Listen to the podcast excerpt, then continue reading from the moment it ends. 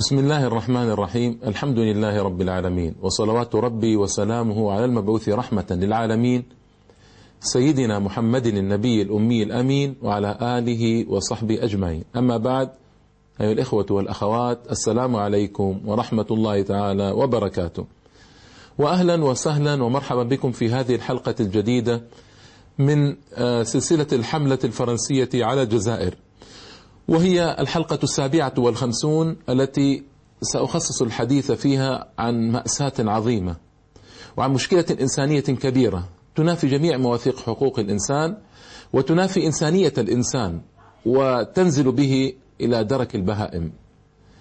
آه هذه المأساة الكبيرة هي التعذيب الذي جرى على المسلمين الجزائريين.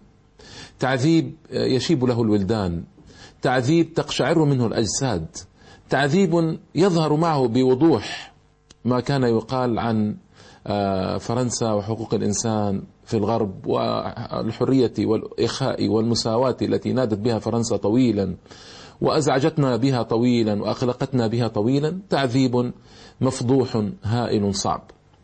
أرجو من إخواني وأخواتي السامعين والسامعات أن لا يتأثروا كثيرا بما سأذكره تأثر يفضي بهم إلى اليأس والقنوط بل إنهم ينبغي أن يسمعوا مني ويحدوهم ذلك إلى الأمل.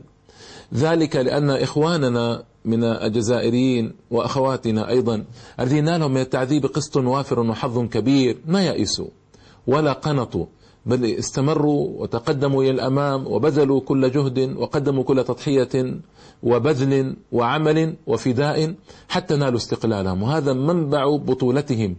وهذا مؤشر على عزتهم وقوتهم وصلابتهم رحمة الله تعالى على ميتهم.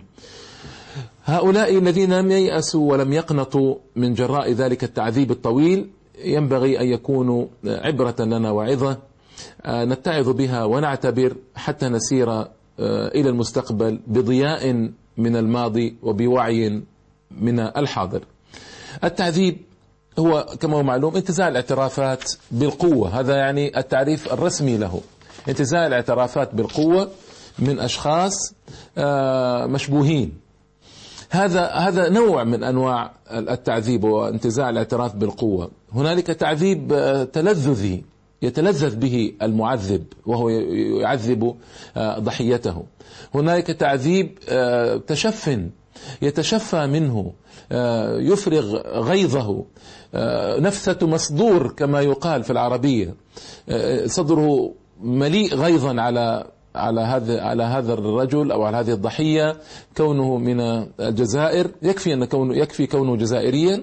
صدره مليء غيظا عليه فيفسح شيئا عظيما مما في صدره ويخرج شيئا عظيما مما في صدره بهذا التعذيب. اذا هناك تعذيب تلذذي هناك تعذيب تشف من الضحية هنالك تعذيب إهانة يريد أن يهينه يريد أن ليس شرطا في هذه الأنواع الثلاثة أن يكون من أجل انتزاع اعتراف ليس شرطا.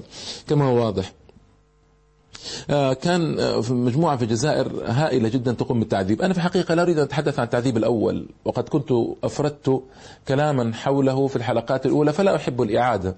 لكن مجرد إشارة أن الفرنسيين معتادون على التعذيب ومعتادون على هذه العمليات الوحشية. والعجيب أن التعذيب الأول جرى وكانوا قريبي العهد بالثورة الفرنسية الكبرى التي جرت سنة 1789 ودخلوا الجزائر سنة 1830 فهذه أربعون سنة بين دخولهم الجزائر وبين ثورتهم المشؤومة. هذه الأعوام الأربعون نسوا فيها كل شيء وما أقاموا الإنسانية وزنا ولا لحقوق الإنسان أي وزن. وهذا أيضا غريب وعجيب. لا ننسى أبدا أنهم كانوا عندما يأتون إلى النساء من أجل سرقة أساورهن وأقراطهن ما كان الوقت يكفي من أجل أن تنزع المرأة المسكينة أسورتها فكانوا يقطعون يدها كانوا يقطعون يدها من أجل الإسراع في إخراج الأساور. كانوا يقطعون الأصابع من أجل الإسراع في إخراج الخواتم. ما عندهم وقت. فكانوا معهم الأكياس يقطعون الإصبع مع الخاتم ويضعونه في الكيس. هكذا يصنعون. يقطعون الأذن آه، ويجعلونها في الكيس التي تحوي الأقراط. فكانوا يبتهجون إذا اجتمعوا وكل يخرج الأصابع. أصابع النسوة المسكينات ويخرج الآذان التي تحوي على أقراط النسوة المسكينات. هكذا صنعوا. وهذا أمر معلوم ومعروف ومسطر في التاريخ. لا يحتاج إلى مزيد نظر ولا يحتاج إلى حشد أدلة لانها أشهر من أن يدلل عليه. وكانوا يحشدون الناس المغارات ويدخنون عليهم يملؤون المغارات دخانا حتى يموتوا جميعا اختناقا. وكم مات من آلاف الجزائريين والجزائرات بهذا. مع بهائمهم مع أطفالهم مع جائزهم مع شيوخهم يفعلون بهم هذا. وهذا أيضا ثابت ومعروف من سجلات الفرنسيين المخزية أثناء دخولهم للبلاد الجزائر بلاد الإسلام. صنعوا أكثر من ذلك وأنا ما أحب أن أعيد كما قلت لكم إنما تحدثت عن بعض هذا في الحلقات الأولى. لكن العجيب كل العجيب أن يحدث التعذيب بعد أن أقرت فرنسا وقعت الميثاق العالمي لحقوق الإنسان. في الأمم المتحدة سنة 48 و900 وألف سنة 1367 للهجرة. وقعت هذا الميثاق فمن العجيب بعد ذلك آه، لفرنسا أن تمارس التعذيب المنظم التعذيب المفزع الذي جرى آنذاك. من العجيب لفرنسا أن تمارس التعذيب وهي التي عانت أصنافا هائلة من التعذيب على يد النازية الألمان في باريس وفي مدن أخرى من مدن فرنسا طويلا أثناء الحرب العالمية الثانية. وتعذبت فرنسا حتى نالت استقلالها وكان ديغول يدور في شوارع لندن ذليلا. عندما أذله تشرشل وروزفلت وستالين حتى ينال آه، استقلال بلاده. فعجيب أن يفعل ديغول نفسه الذي كان يدور مشردا في شوارع لندن يفعل هذا مرة أخرى في الجزائر. عجيب وكل العجب أن تصنع فرنسا هذا وهي التي تدعي إلى اليوم أن باريس هي عاصمة النور وأنها هي الحامية للشعوب. وأن هي المحافظة على حرية وكرامة وحقوق الشعوب. عجيب كل العجب لباريس أن تطالب أو أن يطالب برلمانها بمحاكمة آه، جرائم الأرمن أو محاكمة الذين هم مسؤولون عن جرائم الأرمن كما يدعون الجرائم التي آه، قام قامت الدولة العثمانية في ظنهم وفي زعمهم بتوجيهها ضد الأرمن آه، أثناء الحرب العالمية الأولى. والعجب العجيب أن برلمان فرنسا أقر هذه المسألة أي أن هنالك إبادة للأرمن على يد العثمانيين ومن ثم طالب بإعادة المحاكمة. لو أنا كنت ضمن البرلمان الفرنسي لاستحييت كثيرا قبل التوقيع على مثل هذا القرار.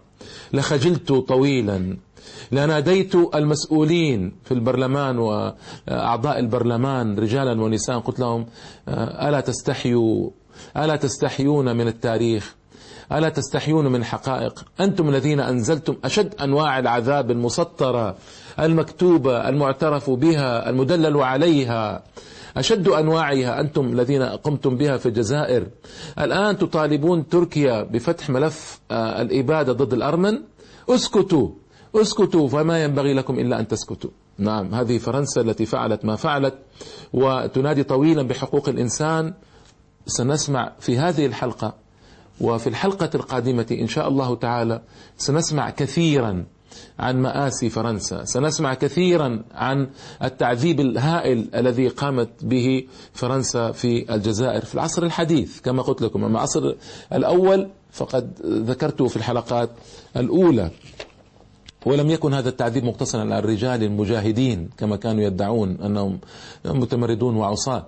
إنما تجاوز ذلك تجاوز ذلك الرجال إلى النساء إلى الأطفال إلى عجائز النسوة إلى شيوخ الرجال. كلهم تعرضوا للتعذيب بدون استثناء وفي مراحل مختلفة. ابتداء من ساعة القبض عليهم إلى ساعة انفكاكهم إما إلى الحياة أو إلى القبر. طبعا هذه مهمة أوكلت لضباط ضباط المهام الأهلية ضمن وحدات المختصة ساس وكنت حدثتكم عنها فيما سبق. آه، داخل المعتقلات والمحتشدات في القرى والأرياف في المراكز في المدن بحيث أن هذه الأعمال لا إنسانية لم آه، تخلو منها بقعة من الجزائر. وهذا طبعا أثر طويلا على إخواننا الجزائريين بل أثر على معذبيهم وصارت هناك حالات سأتحدث عنها إن شاء الله تعالى. آه، بعد أربعين سنة من هذه حالات التعذيب لا زالت القضية تنكر من قبل فرنسا حكومة ترفض الاعتراف بها ترفض الاعتذار عنها.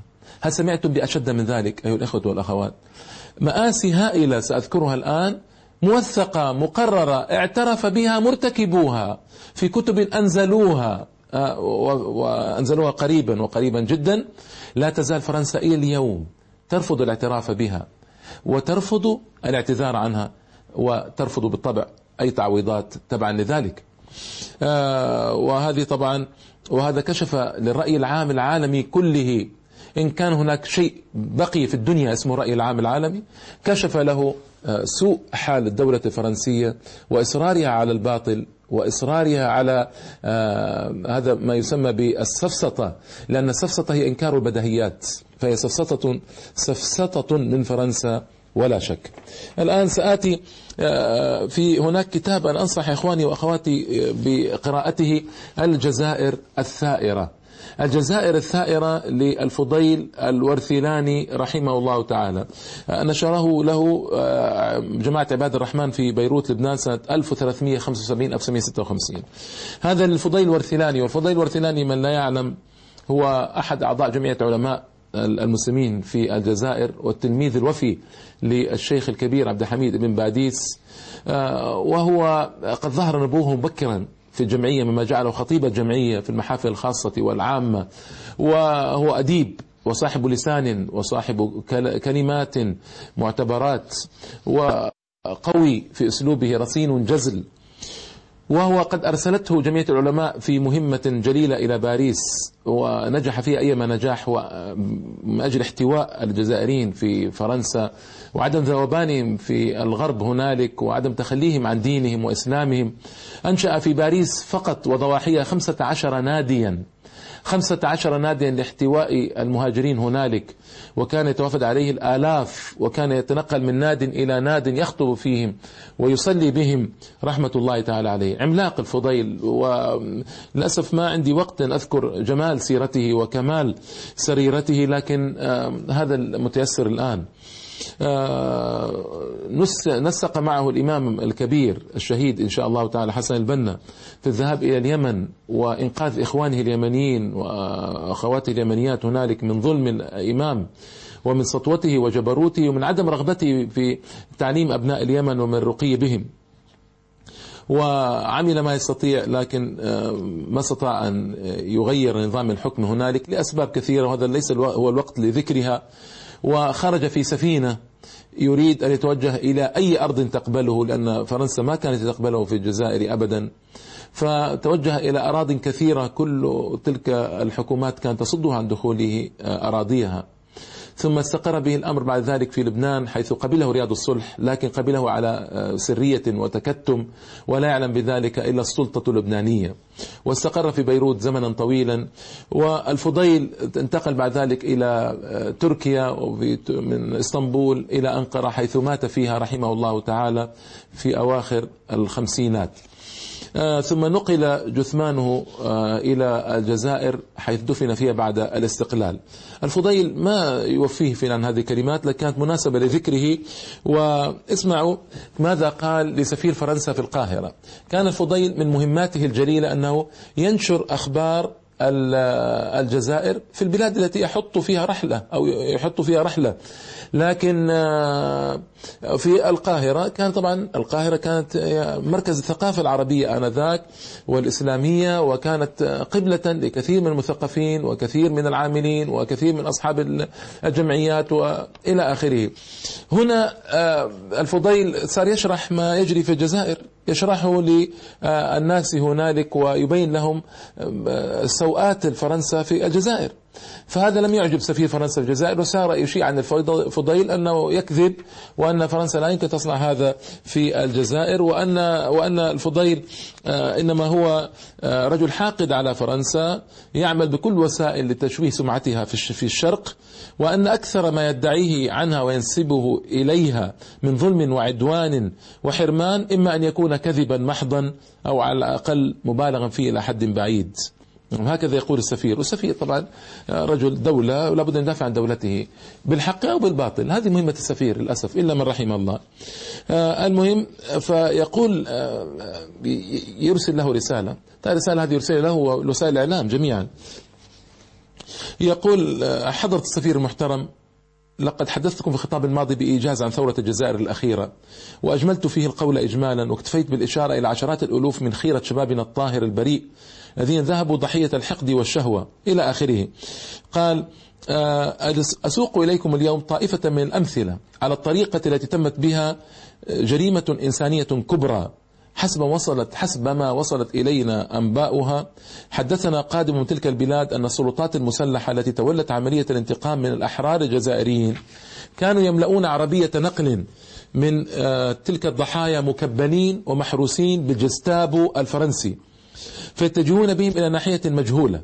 فإذا وصلوا بهم إلى شاهق من جبل معلوم نزل السواق إلى الأرض على اتفاق سابق ودفعوا بعربة النقل نحو الهاوية. فتنقلب بمن فيها من أولئك التعساء فتتطاير أجسامهم وتتقطع أشلاؤهم وهم مكبلون بالحديد. فلا تكاد تصل عربة النقل إلى قاع الوادي حتى لا تبقى جارة مع أختها أي جثة مع أختها. من جثث أولئك الآدميين الآدميين التعساء والمنتقمون واقفون يتفرجون ويتلذذون. وحدثنا قادم آخر على أسلوب من الأساليب الوحشية أن الفرنسيين يحفرون أخاديد على طريقة خاصة وأعماق معينة وعلى طول مقصود وعرض مقصود ويسوقون إليها جموعا من البشرية الكريمة. مكبنين فيدفعون بفريق إلى الأخدود فإذا ما وقعوا فيه أهالوا عليهم الأتربة والحجارة من كل جانب فيدفنونهم أحياء في غير شفقة ولا رحمة. وكثيرا ما يكون الفريق الثاني يشاهد الرواية بعينيه وينظر مصيره المشؤوم. وكثيرا ما يحضرون جموعا أخرى لمجرد شهوة العذاب وإلقاء الرعب في قلوب من وراءهم من المعاندين. وبلغنا أن الحكومة أباحت لجنود الميليشيا الذين لا يختلفون عن الجستاب النازي. لا في قليل ولا في كثير. أباحوا لهم أيام الثورة أن يقتلوا من شاءوا كيفما شاءوا. وأباحوا لهم من وأباحوا لهم الأموال والأعراض. وقيل أن جماعة منهم تذهب إلى بيت فلان من الأعيان. فيطرقون بابه ويدعونه للخروج. فإذا وصل إلى الباب أطلقوا عليه الرصاص وأردوه قتيلا من غير أدنى سبب. وتذهب جماعة منهم إلى بيت فلان ويقتحمون عليه داره ويكبلونه في قيود عنده عندهم ثم يجبرون النساء على ارتكاب الفاحشة معهم في مرأى ومسمع منه وإذا حاول أن يدافع عن عرضه كان جزاؤه القتل الشنيع. وتذهب جماعة أخرى إلى دار فلان شاهرين السلاح فيدخلون عليه وينهبون كل ما وصلت إليه أيديهم من متاع وأثاث. وكثيرا ما يتهمون صاحب الدار بأنه يملك نقودا أو أشياء ثمينة أخفاها عنهم فينزل عليه صوت العذاب لحمله على الاعتراف بما أخفى من ثمين المتاع. وقد ينتهي التعذيب بالقضاء على حياته. وكلام كلام طويل وثم أتى إلى كلام عن المغرب والآن ليس الوقت أن نتحدث عن عن المغرب لأن لأن حديثنا عن الجزائر والله هو معلومات مهمة جدا لكن ما يمكن الوقت ما يسمح وما أريد أن أخرج عن الجزائر في هذه الحلقات. هذا اذا الفضيل والثيلاني وهو رجل ثقة ولا ينقل إن شاء الله إلا عن مصدر صحيح ومصدر ثقة يتحدث في كتاب الجزائر الثائر عن هذا الموضوع. آه، عندنا آه، وثيقة غاية في الخطورة في الحقيقة لجنرال فرنسي آه، مشهور مكث في الجزائر مدة طويلة خلال احتلال فرنسا لها. وصف الكاتب نفسه في كتابه بيده بما سطره بقوله كنا عصابة قتلة في الجزائر نعم. الجنرال بول أوزيريس. بول أوزيريس هذا يعني مشهور ومشهور جدا في آه، الجزائر بالتعذيب وهو آه، آه، قد اعترف بذلك وأقر. يقول قبل أن نقرأ الوثيقة التعذيب هذا طبعا كان قد حظي بموافقة الحكومة الفرنسية على نطاق واسع حيث حصلت هذه الحكومة على صلاحيات خاصة خلال اقتراع برلماني سري أجري سنة 1956 برلمان أقر هذا التعذيب في اقتراح سري حتى لا ينفضح أمام العالم. هل رأيتم البرلمان الذي يدافع عن حقوق الإنسان؟ يقول أوزريس إنه كان يرسل تقاريره إلى القاضي جان برنارد قاضي يرسل إليه تقارير التعذيب. وهو المبعوث الخاص لفرانسوا متران الذي كان حينها وزير العدل في حكومة جي مولي الاشتراكية. فرانسوا ميتران دي حكم فرنسا فيما بعد وهلك. طيب وحكومة جي مولي هذه حكومة الاشتراكية المشهورة في فرنسا. ويقول إن القاضي جان برنارد كان يغطي أفعالنا. تصور إذا القاضي كان يغطي على أفعال التعذيب فما الذي بقي بعد ذلك؟ كانت لي علاقة ممتازة معه دون أن أضطر لإخفاء شيء عنه إطلاقا يذكر له كل شيء. قال أوزريس على الرغم على الرغم من كونه معارضا لاستخدام في البداية إلا أنه اقتنع بسرعة بفائدة استخدامه. فبعد وقت قصير من وصوله إلى قسنطينة قال له الشرطي إنه يستطيع أن يختار بين تعذيب إرهابي أو القول لوالدي الضحية أنه من أفضل السماح بموت العشرات من الأبرياء. إذا يعني أقنعه بهذا المنطق يقول هذا الحوار ألغى نهائيا أي شكوك كانت في نفسي. ما ما في داعي للتوقف عن عملية التعذيب. إطلاقا. آه، ماذا قال هذا الرجل؟ في كتابه الذي خطه آه، بيده كما قلت لكم. آه، صدر في فرنسا الخميس 3 5 2001 يعني جديد نسبيا الكتاب كتاب جديد لجنرال فرنسي خدم في الجزائر. ووصف الكاتب نفسه فيه بالقاتل. واسم الكتاب الجزائر 1955 إلى 1957 ضمنه اعترافات من الجنرالات الفرنسيين بما كان يرتكب في حق الشعب الجزائري بعمليات إبادة جماعية وتعذيب حيث كتب الجنرال بول أوساريس مسؤول استخبارات في أثناء الحرب الجزائرية الفرنسية وأحد الأضلاع الرئيسة في فريق الخدمات الخاصة للحكومة الفرنسية. آه، واعترف الجنرال بول في حوار مع صحيفة لوموند الأربعاء 2 5 2001 بأنه قام بإعدام جماعي ل 24 مواطنا جزائريا وأعطى الكثير من الأوامر للجنود الفرنسيين بتعذيب الآلاف حتى الموت. سمعتم؟ آلاف المواطنين يعذبون حتى الموت على يده شخصيا كانت الأوامر. وفي حديث للصحيفة يقول أوزيريس لقد اعتدنا على ارتكاب جرائم التعذيب. لقد بدأت أقوم بعمليات تعذيب للمواطنين منذ حرب الإندوشين عندما تم إرسالي إلى منطقة فيليب فيل. هذه هذا ملعب كبير جدا اسمه ملعب فيليب فيل. حشروا عشرات الآلاف من الجزائريين فيه وعذبوهم. التي قمت بارتكاب جرائم تعذيب متعددة فيها إلا أنني قررت الابتعاد عن أسلوب التعذيب بعدما شعرت بقسوة ما أرتكبه في حق البشر.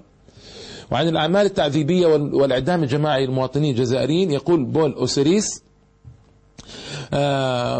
الثورة الجزائرية التي اندلعت بشدة في عام 1954 كانت عارمة بحيث لم تمنحني الفرصة للتردد في القبض على المواطنين الثائرين وتعذيبهم لضرورة جمع المعلومات عن الثورة وأعضائها الرئيسيين منهم. كان التعذيب في وجهة نظرنا أنسب حل لقمع الثورة. آه، أما لماذا اعترف أوزريس بجرائمه في هذا الوقت؟ يقول على الرغم من أنني أعلم أنه سيتم ملاحقة القضائية كمجرم حرب ضد الإنسانية. وإلى الآن ما لوحق أوزريس هذا الكتاب نزل في 2001 واعترافاته من ست سنوات أو سبع سنوات الآن في ال ال ال في كتاب نزل في المكتبات ولم يتم ملاحقة أوزريس فأنا أرجو من جمعية قضائية في الجزائر أن تهب أرجو من جهة قضائية في الجزائر أن تعمل شيئا من جهة من حقوق الإنسان أن توثق هذا أن تطالب بمحاكمته كجرائم حرب حتى توثق هذه الجرائم وتطالب بالتعويض بالاعتذار ثم بالتعويض أين إخواننا الجزائريون عن هذه الاعترافات؟ يقول آه، وأنا أعلم أنه سيتم ملاحقة القضائية كمجرم حرب ضد الإنسانية وإلحاق العار بأسرتي لكنني لم أعد أخشى شيئا إلا توضيح الحقيقة والاعتراف بأدق تفاصيل معاناة الشعب الجزائري. كما أنه في الفترة الأخيرة بدأ كثير من الجنرالات يعترفون بالجرائم وبدأت جرائم تورط الحكومة والجيش الفرنسي تفتضح عن طريق جنرالات في الحكومة نفسها. كان آخرهم الجنرال ماسو وهذا كان سفاحا سفاحا كبيرا. والدافع الوحيد للاعتراف كان راحة الضمير. وختم بقوله رغم أنني كنت مستاء من الوصف الذي وصفت به آه، آه، أو وصفت به صحيفة ليبراسيون الجيش والحكومة الفرنسية بأنهم قتلة فأنا الآن أؤكد هذا الوصف لقد كنا عصابة الموت والقتل. الله أكبر. ومن أبرز القصص التي ما زال يرويها الشعب الجزائري قصة المحامي علي بومنجل الذي قيل أنه انتحر آنذاك. ولكن بول أوزاريس اعترف في كتابه بأن عليا لم ينتحر وإنه تم تعذيبه لمدة ثلاثة وأربعين يوما بقسوة ثم قتل بأوامر شخصية من بول أوزيريس وتروي مليكة زوجة علي بومنجل تفاصيل القبض على زوجها قائلة في صباح 23 مارس 1957 جاءنا الخبر بأن زوجي علي قد انتحر بعد أن قطع شرايينه بزجاج نظارته وأنه ألقى بنفسه من شرفة أحد المنازل ولكن أحد لم يقتنع بأن عليا سينتحر فقد كان ملتزما بالإسلام. ولا يؤمن بأن الانتحار حل بل يراه كفرا. ولقد أبلغني أحد الأصدقاء المقربين بعد وفاته أنه كان له نشاط سياسي حتى زوجه ما كانت تعلم للسرية المطلقة وأنه كان أحد الأعضاء الأساسيين في تنظيم الثورة الجزائرية. ولذلك تم القبض عليه لمدة 43 يوما ثم جاءنا خبر وفاته. تضيف مليكة لقد منعنا من تسلم جث... منعنا من تسلم جثمان زوجي. وتم دفن زوجي وكل ما سمعت من أحد الأطباء المقربين أنه من أفضل ألا أرى الجثة حتى آه، لا أرى فرط آثار التعذيب التي ظهرت عليها. كل ما يهمني توظيف مليكة اليوم أن تعترف فرنسا بوحشيتها في التعامل مع الشعب الجزائري وبمخيمات التعذيب التي كانت منتشرة في كل قطعة من أرض الجزائر. علق المؤرخ الفرنسي بيير فيدال ناكيه على كلام الجنرال الفرنسي أوزيريس قائلا يمكننا الاستعانة بهذا الكتاب لاستكمال تاريخ فرنسا في الجزائر بالاستناد إلى اعتراف أحد القاتلين القاتلين وهو جنرال بول أوزيريس. فهل سنصنع ستصنع شيئا حكومة الجزائر؟ هل ستصنع شيئا جمعيات الجزائر لحقوق الإنسان؟ هل ستقوم وتهب وتطالب بعمل شيء لملاحقة أولئك المجرمين؟ أرجو أن يكون هذا. المخرج أشار علي بانتهاء الوقت. في الحلقة القادمة إن شاء الله تعالى سأكمل جرائم التعذيب هذه. فاصبروا معي. والسلام عليكم ورحمة الله تعالى وبركاته.